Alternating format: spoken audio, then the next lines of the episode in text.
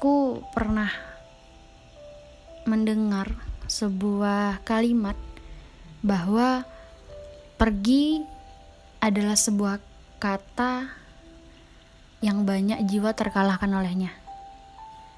Banyak orang yang sakit karenanya dan butuh waktu yang lama untuk sembuh. Aku tidak akan menyalahkan pernyataan itu. Namun, aku akan bercerita bahwa pergi bukanlah luka. Hai everyone, apa kabar hari ini? Baik, aku selalu mempunyai harapan untuk kita baik-baik saja. Entah itu dibaik-baikan atau justru memang sedang baik. Kali ini aku akan bercerita tentang suatu hal perihal luka yang disebabkan oleh perginya seseorang. Ambil posisi paling nyaman ya. Semoga bisa nemani hari-hari teman-teman yang lagi nugas semangat, yang lagi nyantai semoga semakin rileks dan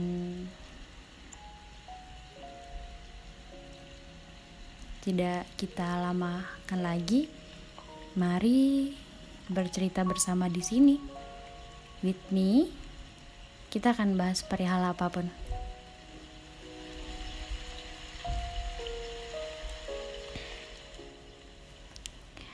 Berkali-kali aku dipatahkan oleh luka atas kepergian seseorang. Berharap menghabiskan waktu yang tak pernah usai itu dengan bersama. Namun nyatanya menyudahi paksa waktu. Aku masih teringat tentang sebuah quotes yang bunyinya itu seperti ini. Jika dia pergi, berarti dia bukan untuk kita. Iya, benar sekali. Aku pernah mendengar kalimat seperti itu. Kenapa kita harus kenapa kita harus bercerita tentang dia yang semesta pun tidak setuju dengan keberadaannya? Kalau kita pikir-pikir ya, Tuhan itu maha baik memang menjauhkan kita dari orang-orang yang sekiranya memang bukan untuk kita. Lalu, kenapa kita menyesal yang pergi? Mungkin jawabannya itu seperti ini. Karena mungkin kita belum siap tanpanya. Sederhana memang sebuah pernyataan yang mungkin memang akan dirasakan oleh setiap orang. Tapi apakah kita pernah menyadari tentang hikmah setelah seseorang itu pergi? Belajar kuat dari setiap sisi kepergian itu. Belajar menerima tentang hal yang kita belum terbiasa awalnya.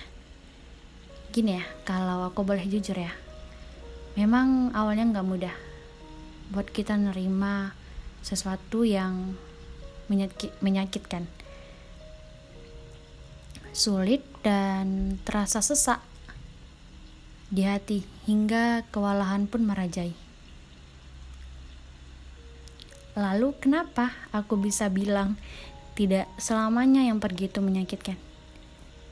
Iya pernah nggak teman-teman berada dalam situasi toksik bertahan melelahkan, melepaskan, akan keluar dari zona nyaman itu, tapi belum siap. Satu hal yang harus kita pahami bersama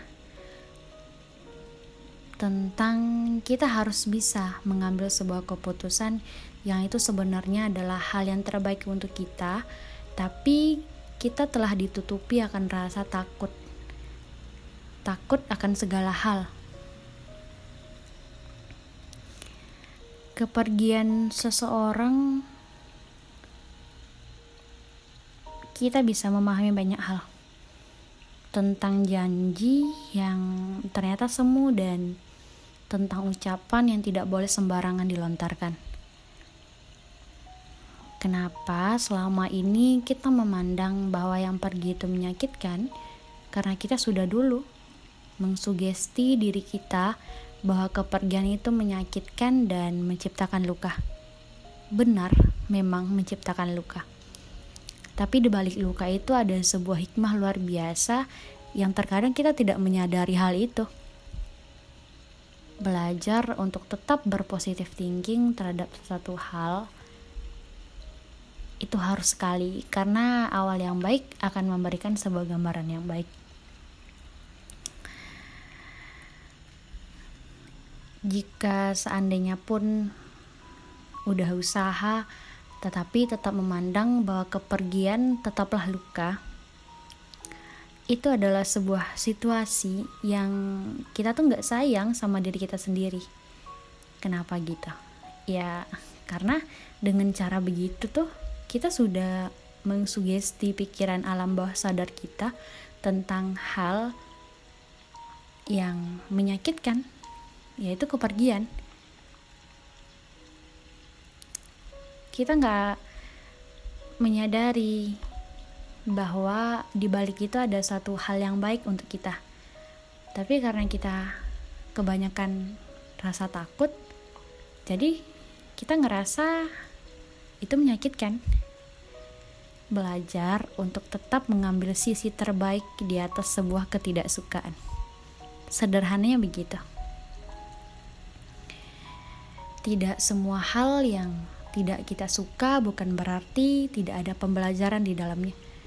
Hanya tentang bagaimana kita bisa untuk tetap mengambil hikmah di tengah sesuatu yang kata orang itu menyakitkan. Tapi sesekali boleh dong kita buat kata versi diri kita sendiri bilang kalau itu nggak menyakitkan. Oke, sebelum aku closing, aku ada sebuah kalimat untuk kita. Bunyinya itu seperti ini. Tetaplah baik untuk diri sendiri dan orang-orang di sekitar kita, karena kita itu penting dan orang-orang yang meninggalkan kita tidak. Semoga bermanfaat ya. Stay healthy, stay safe, dan stay positive thinking. Jangan lupa untuk tetap selalu tersenyum dan bersyukur. See you everyone. Sehat-sehat ya.